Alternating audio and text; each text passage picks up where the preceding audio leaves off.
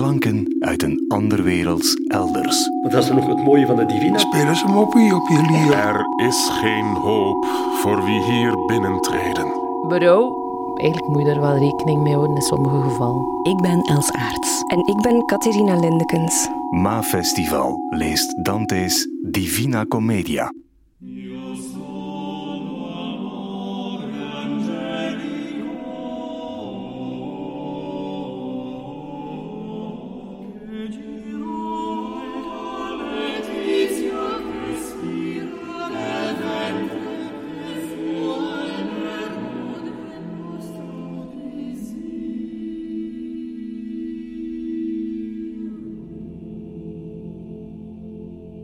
Beatrice. Haar naam viel al meerdere keren tijdens onze tocht. En dat komt natuurlijk omdat zij de drijvende kracht was achter Dante's levenswerk. Al in zijn eerste bundel, Vita Nuova, begon hij zijn muze te verheerlijken en beloofde hij dat hij op een dag zou schrijven wat geen man ooit over een vrouw had geschreven.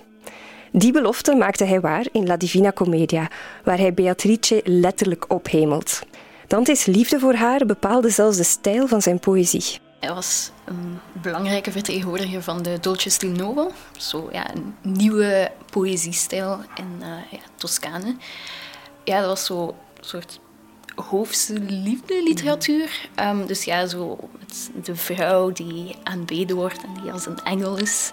Ik vind het wel interessant dat hij in zijn Divina Commedia eigenlijk ook met zijn vroeger werk bezig is. Bijvoorbeeld La Vita Nova, waarin hij dus Beatrice volledig ophemelt, uh, wordt soort van besproken in het uh, derde kanto, dat met Paolo en Francesca, waarin hij eigenlijk uitlegt met haar stem dat hoofdse literatuur heel gevaarlijk kan zijn om de realiteit uit het oog te verliezen en dan toch te zondigen.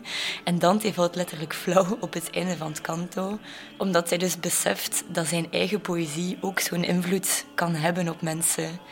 En dat hij dat eigenlijk ook ziet als deel van zijn grootste zonde, waarvoor hij eigenlijk die zuiverende reis onderneemt. Maar ik heb nooit volledig het gevoel gehad dat hij dat echt meende. Omdat hij nog zoveel van die Dolce Stil Novo, zo stilisme nog gebruikt in La Divina Commedia. En ja, dat taalgebruik van nog altijd van Beatrice als een engel en haar, haar, ogen zijn schitterend. Dat zo heel typisch is van die stijl, dat dat toch nog altijd terugkeert.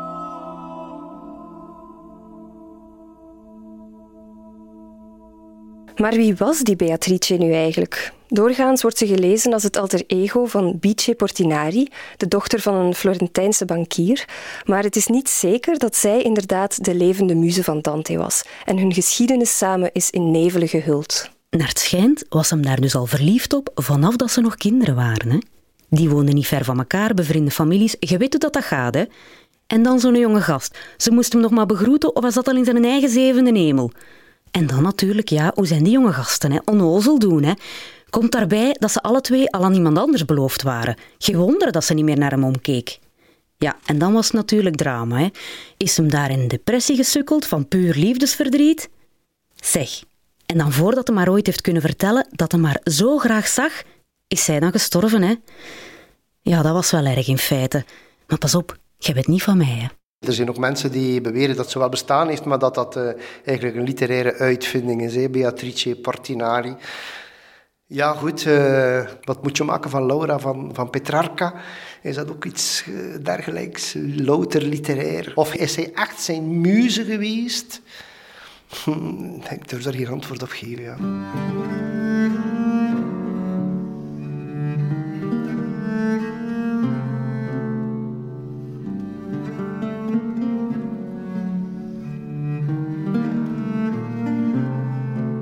In de Commedia ziet Dante zijn Beatrice eindelijk terug aan het einde van het Purgatorio, in het aardsparadijs. En dat moment voelt bijna als een soort eerste eindbestemming van zijn kweeste. Elk der waarachtigen die in de rij voor Griffioen en Zegenwagen gingen, wendde zich om, verwachtingsvol en blij. En één begon als godsherauw te zingen: Kom van de Libanon, mijn bruid, drie keer, hetgeen herhaald werd door de ouderlingen. Zo zag ik door de bloemenzee omgeven, die door de engelen in overdaad omhoog geworpen weer omlaag kwam zweven, Een vrouw met een wit vloers voor haar gelaat, een krans olijvenloven rond haar haren, een groene mantel en een rood gewaad.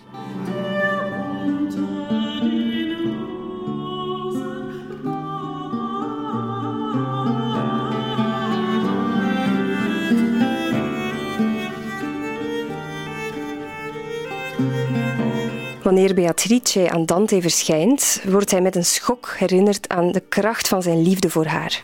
Dat is een veelgelaagde liefde die je zowel uh, zinnelijk als spiritueel kunt lezen. Op dat vlak zit de Commedia in de traditie van het Bijbelse hooglied, waarnaar Dante zelfs verwijst in het citaat dat we net hoorden. In dat hooglied krijg je een dialoog tussen een verlangende bruid en bruidegom.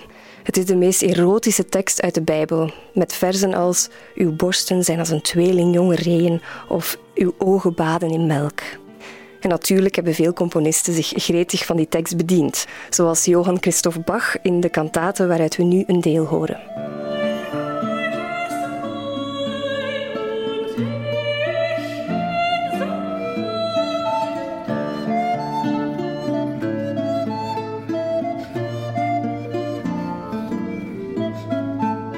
Maar er zijn uiteraard ook meerdere theologische lezingen van het hooglied mogelijk, waarbij het verlangen tussen bruid en bruidegom spiritueel wordt ingevuld. Die ambiguïteit zie je terug bij Beatrice in de Commedia. Nu eens wordt ze voorgesteld als een vrouw van vlees en bloed, dan weer als een symbool van spirituele wijsheid.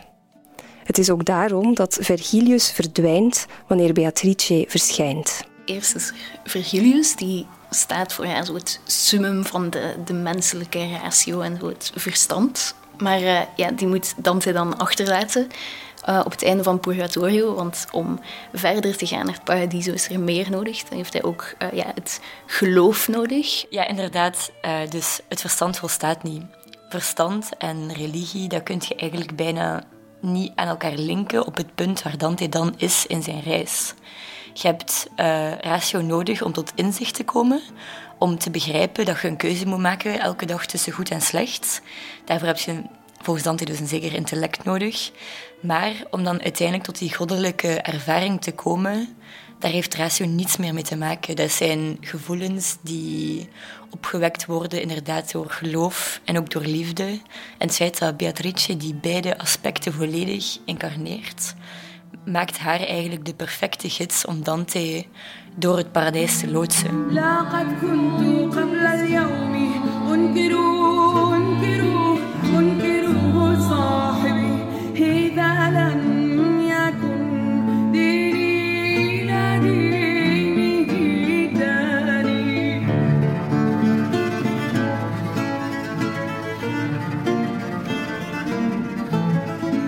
Om echt tot inzicht te komen moet Dante de pelgrim zijn reden overboord gooien en zich overgeven aan het geloof.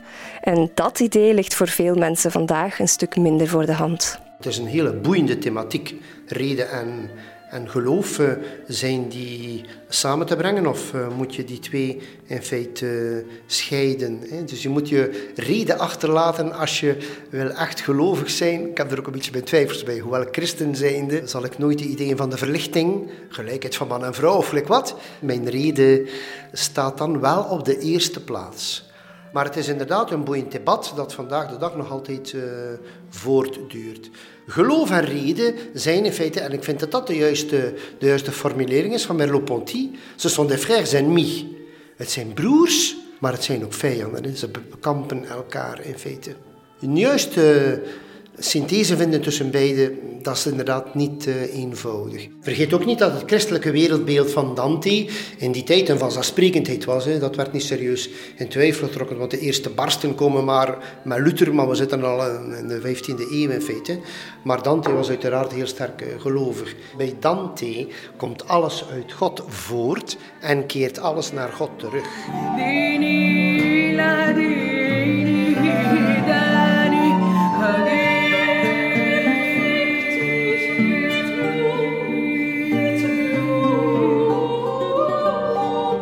Misschien is de onbereikbare liefde wel de enige die zo allesomvattend kan zijn dat ze in de buurt komt van goddelijke overgave. Die twee die, die hebben nooit van elkaar geweten, van de extase die Dante in ieder geval voor haar heeft gevoeld. Ze zijn ook helemaal niet met elkaar getrouwd. En, nou ja. en, Dante in zijn Vita Nuova en in zijn, en zijn Divina Commedia heeft uh, Beatrice vergoddelijkt en vereindeld en nou, zo verheven voorgesteld dat hij misschien wel, als ze wel getrouwd zouden zijn, zeer teleurgesteld zijn, zou zijn geweest in dat wijf. En zij in hem, dat kan ook, uiteraard ook. Veel dank aan Ida van Eck, Laurent Vermaarke, Bernard Huivaert en Jeroen Brouwers. Je hoort de muziek van Joanne Metcalf en Johann Christoph Bach.